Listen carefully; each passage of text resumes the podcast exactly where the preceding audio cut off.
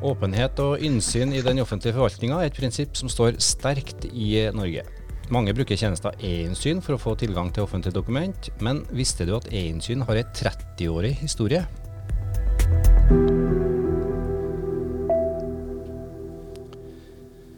Velkommen til en ny podkastepisode fra Digdir. Mitt navn er Are Kvistad, og i dag skal vi snakke om store ting. Åpenhet, innsynsrett og gjennomsiktighet i forvaltninga. En av forutsetningene for at demokratiet skal fungere, er jo nettopp at innbyggere og media kan følge med på hva oss byråkrater og politikere ellers sier på med eh, hvilke vedtak som fattes, og på hvilket grunnlag. Så kan man spørre hvorfor eh, Digder er opptatt av sånne ting.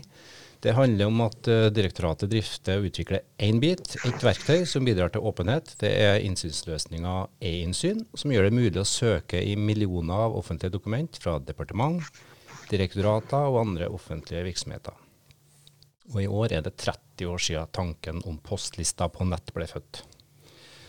Uh, med oss har vi tre personer som kan mye om dette temaet. Uh, fra Digdir så er det seksjonssjef Jon Håkon Odd. Og så er det Stein Magne Os, som er produktsjef for løsningen e-innsyn. Velkommen til dere. Tusen takk for det. Og sist, men absolutt ikke minst, kanskje først og fremst, er Trond Strand, som er journalist i Bergens Tidende, og også nylig gjenvalgt leder av Pressens uh, offentlighetsutvalg. Velkommen til deg også. Takk for det. Vi skal, vi skal starte med deg. Uh, flere av oss rundt bordet har ei fortid fra mediebransjen. og vet veldig godt at uh, det her er et tema som pressen på, på betimelig vis er veldig opptatt av.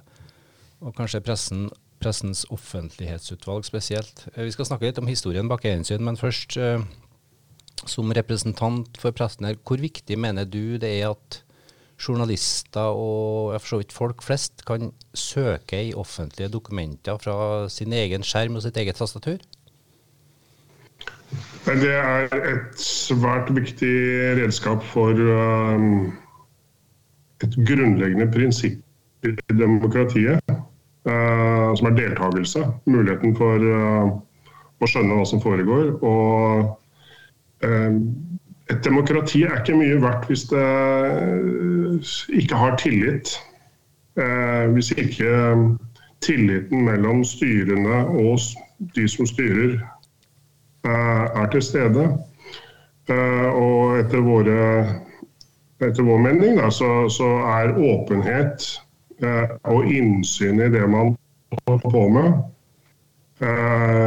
helt avgjørende for, for den tilliten.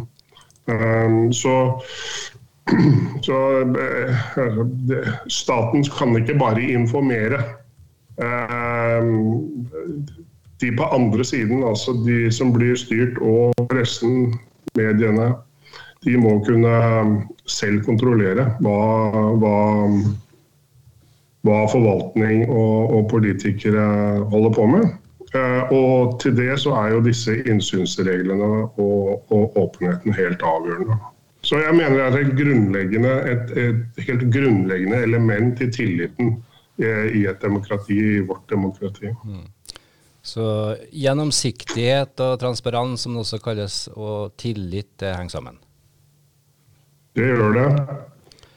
Eh, du kan ikke I dagens samfunn så kan du ikke fortelle en borger at 'jeg vet best', det er sånn det skal være, punktum finale. Det er lov å stille spørsmål. Vi lærer elevene på skolen at det er helt avgjørende å være kritisk. Vi prøver å bygge kritiske ryggrader i den oppvoksende slekt. Og skal du bygge en kritisk ryggrad, så må du kunne stille spørsmål. Og, og, og åpenhet, eh, transparens, gjennomsiktighet er, eh, er kjernen i, i disse, disse forholdene. Vi skal, vi skal se litt, litt, tilbake. da. Eh, I mine notater så jeg kalt 'skapelsesberetningen bak innsyn'. Til hva jeg funnet, så starta det altså med noe som eh, på stammespråket heter EPJ, altså elektronisk postjournal, som var et prøveprosjekt. Og utover 1990-tallet, da, 1997, eh, så ble det obligatorisk for offentlige virksomheter å ha elektronisk postjournal. Jon Håkon Odd, det er typisk norsk å være byråkratisk, og det starta som en utredning. Men det var, det var, jo egentlig før vi fikk eh, World Wide Web og internett. Men lå det likevel i korta allerede da at dette handla om, om, digitalisering? Ja, altså Jeg tror det handla vel eh, mest av alt om effektivisering. Det handla jo om at Norge var like, like vidstrakt på, på 90-tallet som, eh, som det er i dag. Og, eh, og, det handler om at vi ønsket å, å gi lik tilgang på den tida til mediehus over, over, hele landet, aviser. Det var jo ingenting som skulle tilsi at man ikke på Hamar skulle ha samme tilgang som i Oslo på informasjon fra postlista. Og postlista har jo en lang historie. Det, jo, det har vi jo brukt siden 1700-tallet til å drive kontroll med forvaltning i, i, i, i Norge. Men om det var digitalisering? Eh, ja, det var jo det. Norge var jo veldig tidlig ute på, eh, med offentlige tjenester på nett. Og, og, og lå vel, hadde en, både en, uh, en veldig framoverlent eh, forvaltning på den tida og, og, egentlig veldig god teknologisk forståelse. Så, så, ja, det handler om digitalisering. Det handler om framsyn, tror jeg. At det var et sterkt ønske om å, å holde på nettopp alle disse her fine ordene som Trond snakker om. Altså vi trenger høy tillit til forvaltningen i Norge. Det, innsyn som et virkemiddel er, er, veldig veldig sterkt. Men tro, trodde man så for seg at uh, vi i 2023 skulle sitte i, ved hver vår skjerm og, og kunne se inn i forvaltninga, for å si det sånn? Jeg tror Ja, altså Ikke nødvendigvis Altså, jeg tror kanskje noen frykta det. For det, vi ikke snakker om, er jo at det var kanskje verdens lengste prøveprosjekt. Vi brukte 17 år på å allmenngjøre det og gjøre det tilgjengelig for, for, alle.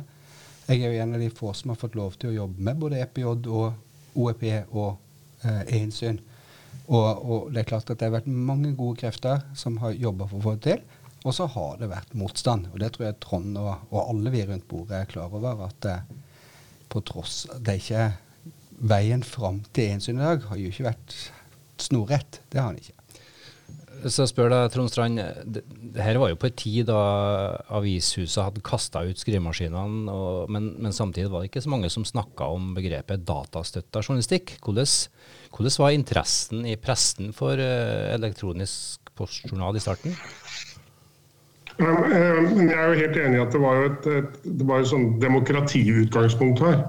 Um, vi som har vært med i mange år Altså, jeg har sittet på pressesenteret i regjeringskvartalet og bladd i papirjournaler. Um, og før den tid så måtte vi, som var utenfor Oslo, da, da var jeg i Bergen. Da, da måtte vi på en måte bestille postjournaler på faks. Som kanskje kom et par dager eller tre dager etter at det ble lagt ut i regjeringskvartalet. Altså, det var et utro folk i dag vil ikke tro hvor tungvint det systemet var. Det var, eh, det var krevende å, å, holde seg oppdatert om utviklingen i forvaltningen. Og det, det, gjorde du ved å få en faks med, med, med, journalinnføringer, og så måtte du sende en faks tilbake til departementet med bestilling av hvert enkelt dokument. Ja. Uh, og dette varte og rakk selvfølgelig. ikke sant?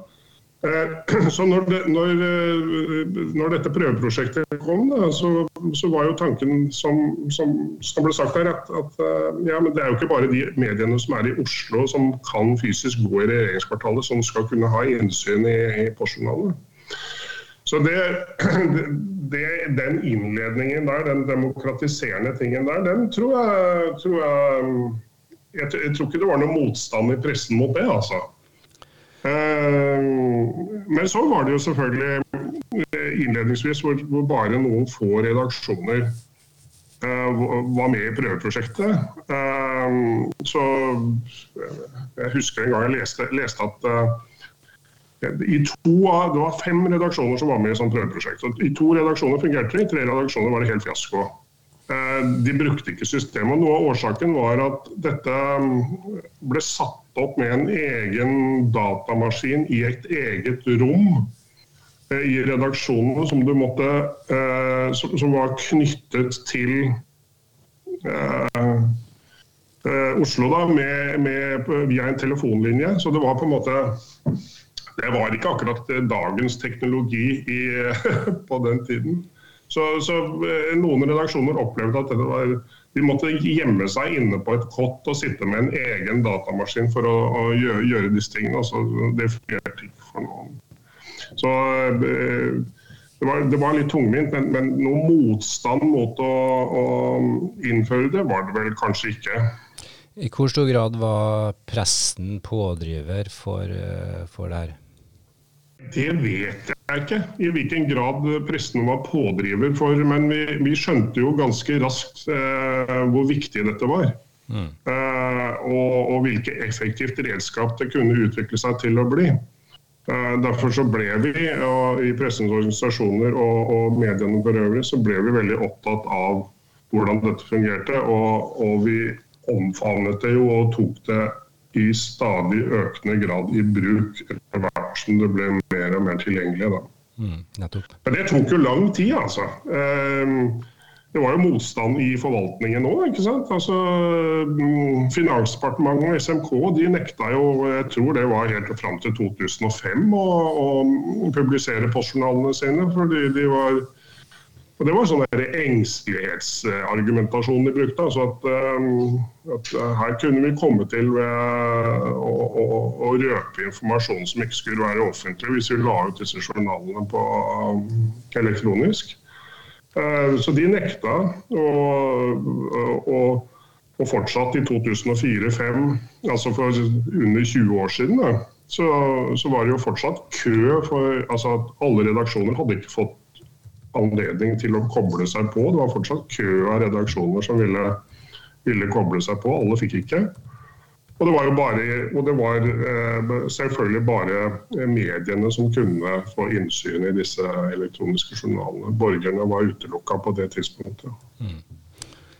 Undertegnede var også en av prøvebrukerne eh, i sin tid da vi satt i redaksjonen. og Det var jo en befrielse på mange måter. For å se mulighetene. fordi at for den som jobba med kommunal journalistikk og måtte møte opp på formannskapskontoret for å be om å få dokument, så så, så man jo mulighetene i framtida for at man kunne få en løsning som faktisk fra redaksjon kunne bla i postlistene og bestille dokument. Men så kom altså da um, et viktig skifte i 2009. Da kom offentliglova, som hjemla Eh, det som Da fikk vi en ny forkortelse, OEP, Offentlig elektronisk eh, postjournal, som eh, ble lansert Det kommer en versjon i 2009, og så kommer det en lansering av en bedre versjon i 2010.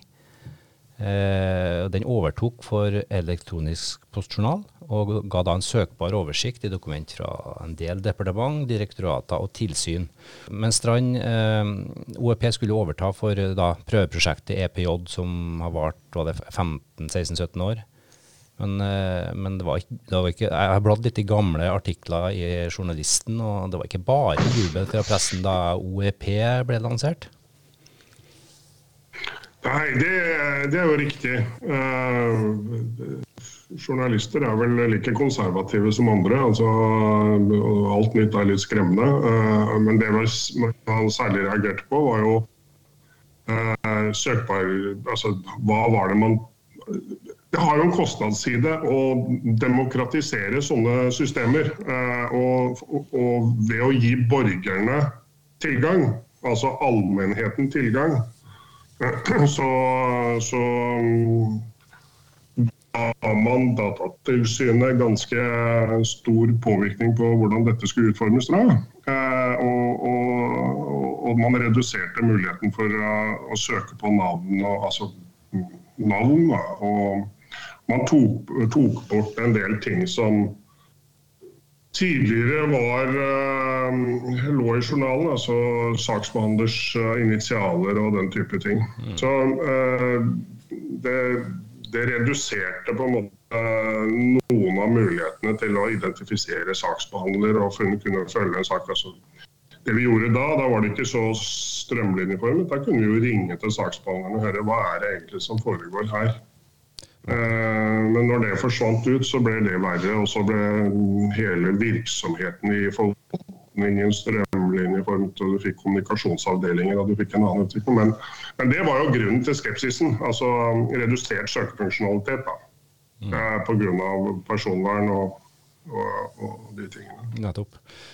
Eh, Jon Håkon Odd, det, det her var vel en viktig lansering for Difi, altså direktoratet som var forgjengeren til dagens eh, Digdir? Ja, klart det var det. Uh, og, og, det var jo en veldig spennende tid. Det er jo som Trond sier, det var mye det var mye gnisninger om hvordan vi skulle lande dette her. Og, og, og det var jo uh, nybåtsarbeid. Selv om vi hadde 17, uh, 17 år med, med test i, i, fra EPJ, så var det jo skummelt for forvaltningen å åpne opp for alle.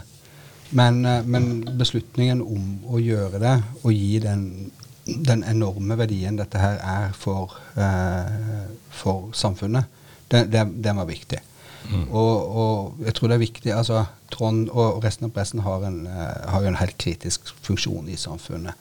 Men, men, verdien av å dele det offentlig sektor gjør, med innbygger, med frivillige organisasjoner, med næringsliv, er, er enorm.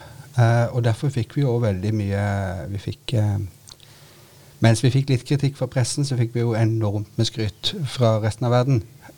og Norge var jo, og er, eneste landet i, i verden som, som, har et sånt digitalt system som, som vi har i, i dag. Så, så, vi var heldige. Vi fikk reise rundt og, og skryte og fikk masse fint eh, besøk. Um, og vi lærte jo veldig mye. Fikk, eh, de, de, store utfordringene er jo, som Trond trakk opp uh, Vi stiller jo Vi har jo et veldig sterkt verktøy for å kartlegge enkeltpersoner sin kontakt med ofteforvaltning. Det må vi ta på alvor. Det, det er viktig, eh, også i dag i, i hensyn. Eh, og det ble tatt vekk verdi for pressen. Um, mm. Det tror han ikke sier. Sant? Det er jo disse her eh, arkene. Vi fikk jo noen kopier av eh, saksbehandlers initialer. Hvilke ekspedisjonssjefer og departementsråder hadde hvilke initialer. Og, og de mest eh, det gikk jo sånne bolske søk, og vi drev og undersøkte. Selvfølgelig vi gjorde stianalyse på, på hva ble søkt på, og det var jo det var initialer som ble mest søkt på. Akkurat. Eh, og det er jo litt sånn for, for, å dele den, da. Ha, eh, når vi lagde OEP, så var jo en av eh, Vi hadde jo en referansegruppe bestående av pressen. En av de viktigste tingene med pressen, eh, eller noen fra pressen tok opp, var at vi kunne ikke vise hva var mest søkte saker. For da kunne jo andre i pressen finne ut hva de jobba med å, skulle finne. Så, så åpenhet er, er, tungt, ikke bare for forvaltningen. Nettopp. Vi skal, skal bringe tredjemann inn i, i, i diskusjonen her, Sten Magne Os, som er produktsjef for dagens Einsyn. e-innsyn. For uh, hvis vi beveger oss videre via tidslinja her, da, så i 2018 så ble e-innsyn lansert, og overtok da for uh, OEP. Vi fikk eh, ny funksjonalitet, eh, varsling, bestilling av innsyn og fulltekstpublisering ble en mulighet. Det kan sikkert Stein Magne Os forklare mer om hva, hva er for noe. Eh, og mm, ja, Stein Magne, hva, hva, hva, er den største forbedringen som kom med, med lanseringa av e-innsyn? Det er uh, både digitaliseringa i forvaltninga og digitaliseringa i samfunnet gir jo nye muligheter for innsyn. Eh, samtidig som det også gir nye vaner og nye krav fra innbyggere, fra journalistene som skal bruke det. Sånn at Vi så jo at OEP Vi, fikk, vi gjorde brukerundersøkelser som, som, viste at OEP var i ferd med å bli umoderne, for å si det på den måten. En ønska seg bedre søkefunksjonalitet. Eh, en syns også at det tok for lang tid å få svar på på eh, innsynskravene.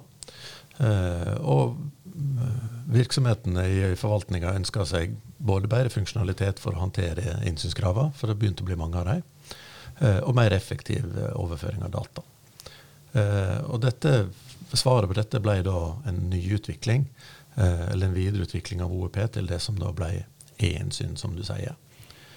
Og der gjorde vi en grundig prosess med referansegruppe og brukertester og tok i bruk eh, interaksjonsdesign og disse tinga, slik at det ble et helt annet fokus på bruksfunksjonaliteten. Eh, bedre søkefunksjonalitet med bedre søketeknologi. Eh, brukeren har en mulighet til å lagre en sak. Hvis en da vil se hva er den videre utviklinga i denne saka, så kan en opprette en profil, en bruker, på ensyn eh, og lagre saker, og så kan en gå inn igjen en uke etterpå og se har det skjedd mer. Mm. Det samme kan en også gjøre med et søk. Hvis en, hvis en setter opp et litt intrikat søk, så kan en komme inn en stund etterpå og søke på nytt. Eh, bestillingsprosessen for innsynskrav har vi forenkla. Eh, og vi hadde jo en referansegruppe med pressen, eh, og de ønska seg veldig et system for å holde orden på, på innsynskravene sine. Så alt dette har vi jo, har vi jo tatt inn. Og så er det jo ikke minst, som du sier, fulltekstpublisering. Eh, som jo er svaret på å få en kortere, en kortere tid mellom eh, du finner dokumentet i gjensyn og du får sett innholdet. Hva betyr fulltekstpublisering? Jo, Det betyr rett og slett det at i eh, både OEP og i e-innsyn så søker en i, i, overskrifter og datoer og den type ting i dokumenter. Og det er det en får fram på skjermen. Og så må du be om innsyn. altså Du må sende et krav til departementet for eksempelvis, og få dokumentet tilsendt innen noen dager. Men når vi da heller praktiserer fulltekstpublisering, så blir det som du er vant med på Google. At da når du finner data om et dokument du er interessert i, så trykker du på lenka, og så får du opp hele dokumentet. Det er klart at det revolusjonerer jo i innsikten eh, og innsynet i, i offentlig forvaltning, eh, i den grad det blir tatt i bruk. Eh, og så ikke minst det som også er nytt med innsyn, eh, det er jo at vi da også har åpna for kommunal sektor. Eh, vi utvikla innsyn sammen med Oslo kommune i et tett samarbeid. Slik at da fikk vi i første omgang Oslo kommune på. Og nå er det jo flere kommuner og fylkeskommuner som er på vei inn. Hvor, mange virksomheter, vi snakker om departement og direktorater og offentlige virksomheter, hvor mange bruker e-innsyn som publiseringskanal for uh, sine postjournaler og møtedokument i dag? Det er 130 aktive virksomheter, ja. og så er det ca. 20 som er avslutta, men som data fortsatt ligger der. Og da er det sånn at statlige virksomheter er pålagt å bruke innsyn? Ja. ja. Uh, og så sier du at kommunesektoren nå er litt, sånn, litt på vei inn? Mm. Ja. Det er prioritert um, fra vår side framover nå, det er også å se om og vise at uh, dette er en brukbar løsning også for kommunal sektor. Mm. Uh, vi har i dag ti kommuner og fire fylkeskommuner som bruker e-innsyn. Uh, og da til forskjell for statlig sektor, som da bare publiserer postjournal, som også OEP og EPJ, som jeg har snakka om, gjorde, så publiserer jo kommunene også møtedokumentasjon. Mm. Altså sakliste og referat og, og dokumentasjon, eh, saksutgreiing fra møtet i alt fra formannskapet til uh, Eldrerådet. Riktig. Um, vi har et lovverk som uh, legger til rette for uh, publisering og innsyn. Vi har tekniske løsninger på plass. og så er det her med det, det, skal også fungere organisasjonsmessig, altså kulturmessig, her med at man skal tenke åpenhet og praktisere åpenhet. Trond Strand, hvilke erfaringer har vi gjort oss så langt etter 30 år med, med digitalt innsyn? Pressen er jo storforbruker av, av e-innsyn i dag. Ja, det er jo et stort spørsmål. Um, men jeg skal prøve å være kort og konsis på det. Men altså, Summa summarum så er jo dette et uh, fantastisk redskap. Og uh, dere kan skryte på dere at vi er verdensledende når det gjelder uh, innbyggerne mulighet til å følge forvaltningen gjennom dokumentinnsyn. Så det, det er jo suverent bra. Og det er jo vi i pressen strålende fornøyd med. Fantastisk. Eh, men så eh, er det jo selvfølgelig også sånn at det er mye kultur ute og går her. Eh, det er forskjeller på departementer om hva de, hva de offentliggjør og hvor mye åpenhet de faktisk praktiserer. Fra min tid som som journalist som har vært avhengig av disse redskapene, så vil jeg si at som, noe av det som har gjort mest inntrykk på meg gjennom disse 30 årene, det tror jeg er uh, Lars Sponheim. Da han var uh, statsråd i ulike departementer, Landbruksdepartementet, næringsminister. Uh, så innførte han en regel om at avslag på innsyn, det skal på mitt bord. Det førte til en dramatisk fall i antall avslag på innsyn i de departementene han styrte.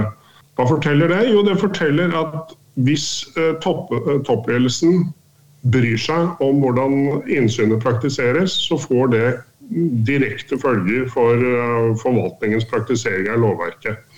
Og Det er ganske viktig, for altså, du sa at lovverket er på plass. Ja, Lovverket er på plass, men det har store mangler, og det fungerer ikke etter hensikten. Det er dokumentert eh, av Riksrevisjonen et par ganger, og av Offentlighetsutvalget og i praksis hver eneste dag. Eh, så det er lovverket er i og for seg på plass, men kulturen for å praktisere den åpenheten som lovverket eh, skal gi, den er ikke alltid like god. Akkurat. Eh, Jon Håkon Odd, hva tenker du om det? Altså, lov, lovverket er én ting, men uh, kultur og Trond har, Trond har, jo rett. Altså, jeg uh, Jeg mener jo òg at vi har, vi har et progressivt og godt lovverk rundt åpenhet i, i, Norge. Vi har en, en, sterk teknologisk løsning gjennom innsyn, som selvfølgelig kan bli bedre. Alt kan jo det. Uh, men, men, at vi møter, uh, møter utfordringer på kultursida, enten for litt som vi var inne på tidligere, fryktkultur i forhold til personvern. Vi er redd for å legge ut ting vi ikke burde legge ut. Fryktkultur for å bli kikka i kortene vil jo selvfølgelig alltid være. Altså, det er jo veldig mange ansatte i offentlig sektor. Noen gjør dumme ting. De vil jo selvfølgelig ikke eh, at det skal til, mm. komme opp i dagen. Men òg litt sånn jeg tenker og liksom motsetning enkelte plasser, fordi at vi, vi opplever, eh, iallfall fra der vi står, mange veldig ivrige offentlige etater og, og, og, og, offentlige ansatte som er sterke pådrivere for åpenhet. Og så opplever vi jo andre plasser der praksisen ikke er like, like, sterk. Og ironien i det er jo at alle vil jo gjerne at folk skal eh, skryte av oss når vi gjør bra ting, og det gjør vi stort sett i offentlig sektor. Så, sånn at eh, vi burde jo være mer interessert i å åpne opp mm. som, eh, som, ansatte. Og, men, men, det er noe menneskelig da, å, å, ha en litt sånn restriktiv inngang til, til, ting. Det er jo ikke mm. alltid vi har lyst til at folk skal se hva vi gjør feil, selv om andre kan lære av det. og det er nettopp det akkurat når vi gjør feil, at vi bygger den tilliten til offentlig forvaltning som vi trenger. Mm. Nei, Det å få personvern og, og hensynet til åpenhet til å gå hånd i hånd, det kan sikkert være krevende. Så jeg tenker at hver dag så, så behandler det offentlige tusenvis av saker som angår enkeltmennesker. Og det behandles også saker som berører konkurranseflatene i næringslivet. Eh, så det må trekkes noen grenser. her. Men hvordan lykkes vi med å balansere det her, det her hensynene? Det er jo Uh, Sten Magnus nevnte jo det her med, med at uh, muligheten for fulltekstpublisering av dokument direkte i ensyn, og det er jo stadig flere som bruker den muligheten. Og Det kan man forstå, for det sparer både forvaltningene for saksbehandlingstid på innsynsbegjæringa, og det sparer brukerne, f.eks. journalister, tid på å vente på å få innsyn. Men det her stiller vel økte krav til dem som sitter og er saksbehandlere? Ja, men, men, der kan du også snu det på hodet. For husk at offentlighetslova er veldig veldig tydelig. Alt er åpent, offentlig tilgjengelig, med mindre veldig sterke grunner sier at det ikke skal være det. Så det handler jo litt om hvordan vi eh, som forvaltning eh, eh, praktiserer eh, ting. Og nå skal jo ikke jeg, nå skal ikke jeg være liksom, sitte høyest oppe på hesten her. Jeg var ordfører en stund og kom på nesten på sisteplass i, i offentlighetskåringen eh, eh, til, til pressen. Sånn at det er, ikke, det er jo ikke like lett i, i praksis. Men, men, men, vi må huske at prinsippet er at alt det vi gjør, er jo åpent. Det skulle jo bare mangle. Det er jo vanlige folk som betaler regningen for at vi går på jobb og gjør ting. Mm. Hensynet til innsynsrett det står jo sterkt, og e-innsyn er jo innretta sånn at du kan, du kan, søke anonymt om du vil ha tilgang til offentlige dokument. Altså, du må bare oppgi en, en e-postadresse som fungerer, som kan ta imot dokumenter du bestiller. Uh, ved juletider så opplevde vi at uh, noen uh, hva skal vi si, pepra eierinnsyn med 40 000-50 000 innsynskrav. Antagelig skjedde det maskinelt, altså, mm. eller ved robot. Noe som påførte kommuner og etater en del merarbeid. hvordan, hvordan vil du karakterisere sånne hendelser? var, var det her et dataangrep? Ja, altså, det var nok gjort for å, å, å skape litt krøll eh, for oss. Dataangrep var det jo ikke. Det har vi jo lokka av. De skjer jo hver eneste dag og blir, eh, blir håndtert eh, deretter. Eh, men det, det, er en veldig spennende sak, fordi at det stiller oss litt sånn i eh, litt sånn sjakkmatt. Det er mye, mye arbeid. Det er eh, vanskelig å forholde seg til de som tar imot det, men det er jo ikke veldig alvorlig. Altså, det er jo ikke De det går utover, er jo kollegaene til Trond som har legitime, ordentlige innsynskrav, som kommer langt ned i en bunke. Eh, det er jo ikke sånn at eh, de kommunene som fikk 9000 innsynskrav, ikke eh, leverer helsetjenester eller skole eller brøyter snø, eller bryter snø.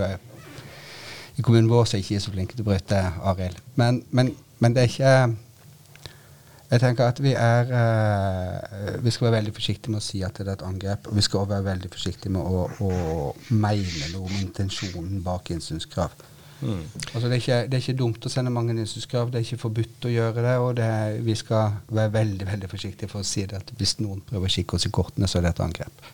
Um, men, men, vi må håndtere det på et eller annet vis, og vi må være forberedt til hvordan vi gjør dette på en ryddig og ikke minst åpen måte. da jeg tror det er, det er kanskje en av de viktigste jobbene til Stavanger, mm. å håndtere dette åpent.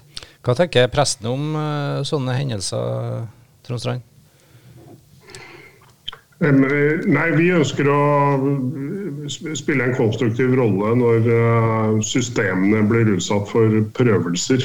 Uh, vi, vi, har all interesse av at dette fungerer etter hensikten og ikke blir misbrukt til det ene eller det andre. Eh, så vi vi, vi, eh, vi eh, det, vi ble jo spurt om uh, hva vi mente om uh, en begrenset innskrenking av mulighetene for for bestilling av dokumenter ved, ved denne registreringen av e-postadresser osv. Eh, og vi sa at det har vi full forståelse for, selv om vi prinsipielt mener selvfølgelig at alt skal være åpent og at man skal kunne eh, bestille anonymt også. Men, men, vi har forståelse for at det er nødvendig. og Uh, og, og, vi er selvfølgelig med på tiltak for å, som, som, ikke underminerer det, det, flotte systemet som vi har. Sten Magne Os burde jo ikke hatt noen mekanismer som rett og slett stoppa sånne, sånne, hendelser? Det er jo selvfølgelig fristende å peke på teknologi uh, og si at dette må jo kunne gå an å ordne på en måte. Men for det første så skjer jo dette veldig sjelden. Sist det skjedde var i 2017. Uh, eh, og for andre så er det jo sånn at som både Trond Strand og Jon Håkon Odd sier, så er jo e-innsyn og offentlige lover er der jo for å eh, åpne opp eh, offentlig sektor. Mm. Og det jo da greie Og vi legger jo mest vil, I innsyn så legger vi til rette for åpenhet og innsyn alt vi kan. Og da er, sier det jo seg sjøl at det blir jo vanskelig å stramme inn.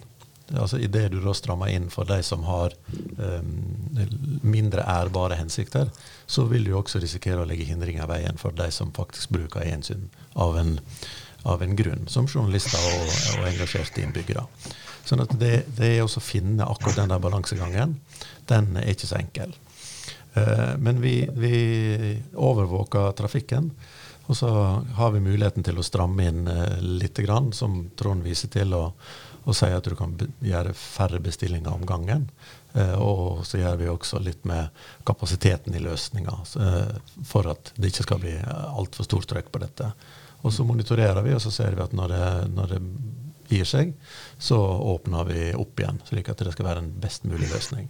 Um, og det vi har uh, nå, det er jo at vi har en, en verifikasjon på e-post. Hvis du bestiller innsyn, så må du verifisere at det er du som har tilgang på den e-postadressen. Men, um, men, dette er jo fortsatt helt anonymt. Du kan jo opprette deg en e-postadresse som heter julenissen hvis du ønsker det. Vil du ha tilgang til å verifisere den. Så det, det, skal, det, skal, mye til egentlig der, for at en begynner også å gjøre tiltak som begrenser si, innsynsmuligheten. Ja, det, det, vil jo stride mot offentlige prinsippet. Mm. Sånn at det, det, kan vi ikke gjøre. Mm.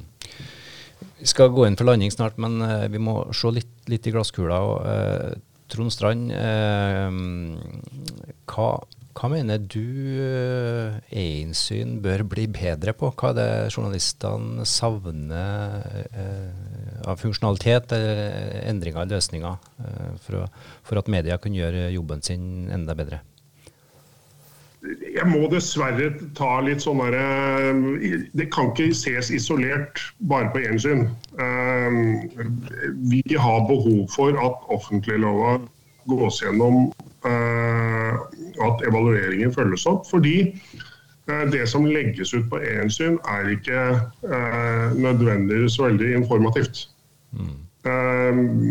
Departementene, forvaltningen, bruker de mulighetene de har til eh, å gjøre det vanskelig for oss å bruke e-innsyn til et godt, som et godt redskap. Skal jeg skal gi et eksempel. da.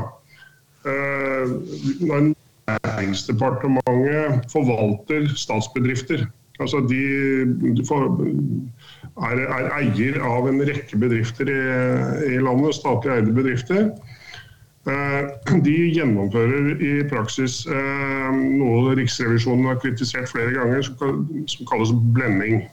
Altså De lager sakstitler og dokumenttitler som er helt anonymiserte. De kaller det eiersak, og så unntar de alle andre opplysninger. Eh, og Da er det ikke mulig å identifisere dokumentene. og Det eh, er nok noe som plager eh, journalister ganske betydelig. Det er at departementene er blitt gode på å lage intetsigende titler.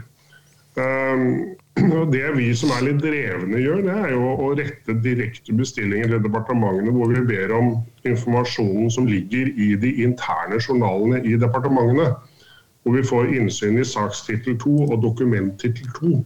Og det må vi for å kunne identifisere dokumentene, slik at vi skjønner hva vi kan be om innsyn i.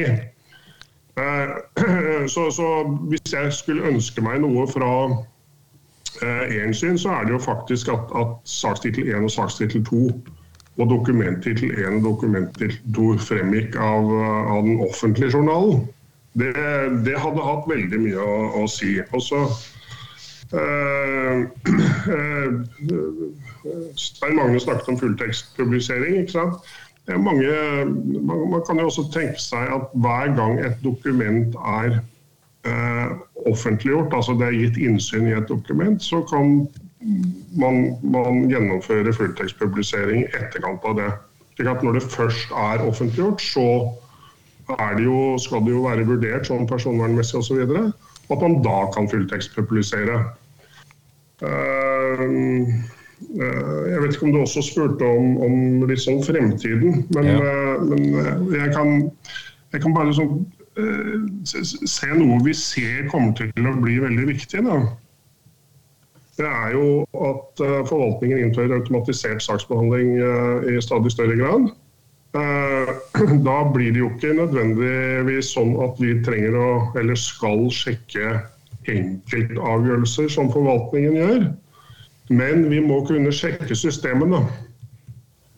Eh, altså eh, Vi må kunne eh, få innsyn i koder og algoritmer som, er, som danner grunnlaget for den automatiserte saksbehandlingen.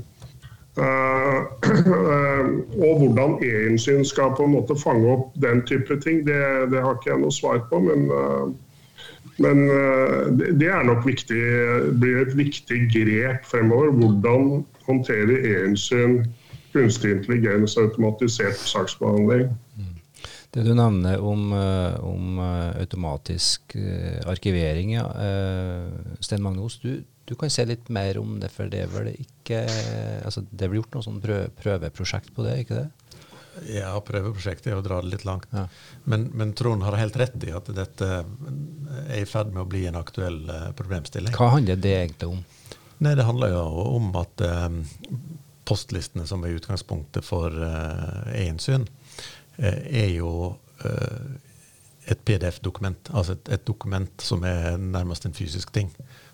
som noen har produsert. Mens i en automatisert saksbehandling der, og som Trond viser til, der er det jo mer koder og algoritmer og teknologi som, som uh, gjør vedtak i saksbehandlinga. Uh, og som sikkert produserer en, uh, en, PDF med vedtaket til slutt. Men det som Trond viser til, at det interessante der er jo å vite hvordan er vedtaket fatta, hva grunnlag er vedtaket fatta på. hva um, kunnskap og opplysninger er henta inn i bakkant. Uh, og det er jo det innsynsretten da må handle om i neste omgang. Og hvordan vi skal kunne greie å, å, å legge til rette for offentlighet og innsyn rundt det, tenker jeg at det blir uh, eh, viktig oppgave framover. Uh, og i innsyn så har vi så vidt begynt å se det, på det. Vi har vært i en regulatorisk sandkasse som vi har sammen med Arkivverket. der har vi Det siste prosjektet der vi har hatt, det er med Sjøfartsdirektoratet som da skal begynne med automatisert saksbehandling. Så der har vi kikka litt på dette. Uh, og det, det, vi i alle fall kan si, er at her er det ingen quick fix. Uh, mm. Dette, dette, det, dette, må det jobbes uh, systematisk med. Mm. Eh, Jon Håkon Odd, hvis du skal si noen siste ord om hvordan eh, altså Har vi e-innsyn med oss om 30 år, eller snakker vi da om helt andre, andre løsninger? Ja, vi har hatt i 300 år, så i en eller annen form. Uh, vi heter nok sikkert noe annet enn en e-innsyn. Jeg tror det viktigste her er jo å, å klare både å at innsyn får, får, lov til å ha den rollen uh, vi har, som både litt utfordrer til uh, offentlig sektor og litt tilrettelegger for offentlig sektor. Det at, uh, at vi sørger for at Stavanger har, og de som kommer etter Stavanger de neste 30, 30, årene, har de rammene de, de trenger. Og så er OEP, nei, innsyn er i en, det er et skjæringsfelt mellom teknologi, mellom forvaltning, mellom veldig viktige prinsipper. Og jeg tror nok at vi trenger, eh, å, for å være her om 30 år, eh, å holde på det tette, gode samarbeidet med pressen. Eh, og være åpne for de innspillene som, som kommer om hvordan vi skal møte framtida, fra andre enn oss sjøl. Og, og, og, huske at dette er mest av alt et enormt samarbeidsprosjekt fra offentlig sektor for å bygge tillit til oss sjøl. Uh, og, og vi, klarer vi liksom å huske de tingene der, så, så, kommer vi til å være et kraftfullt verktøy. Uh, det, og det er jeg helt sikker på. Sånn sett så er det veldig gøy å få lov til å uh, markere 30 år med digital åpenhet da, i, i, norsk offentlig forvaltning. Og jeg, jeg ser fram til de neste 30. Vi lar det være avsluttende ord. Takk til Trond Strand fra Pressens offentlighetsutvalg, og takk til Jon Håkon Odd og Sten Magne Os, begge fra Digdir. Husk at du finner flere episoder fra Digdir der du vanligvis henter dine podkaster. Vi høres.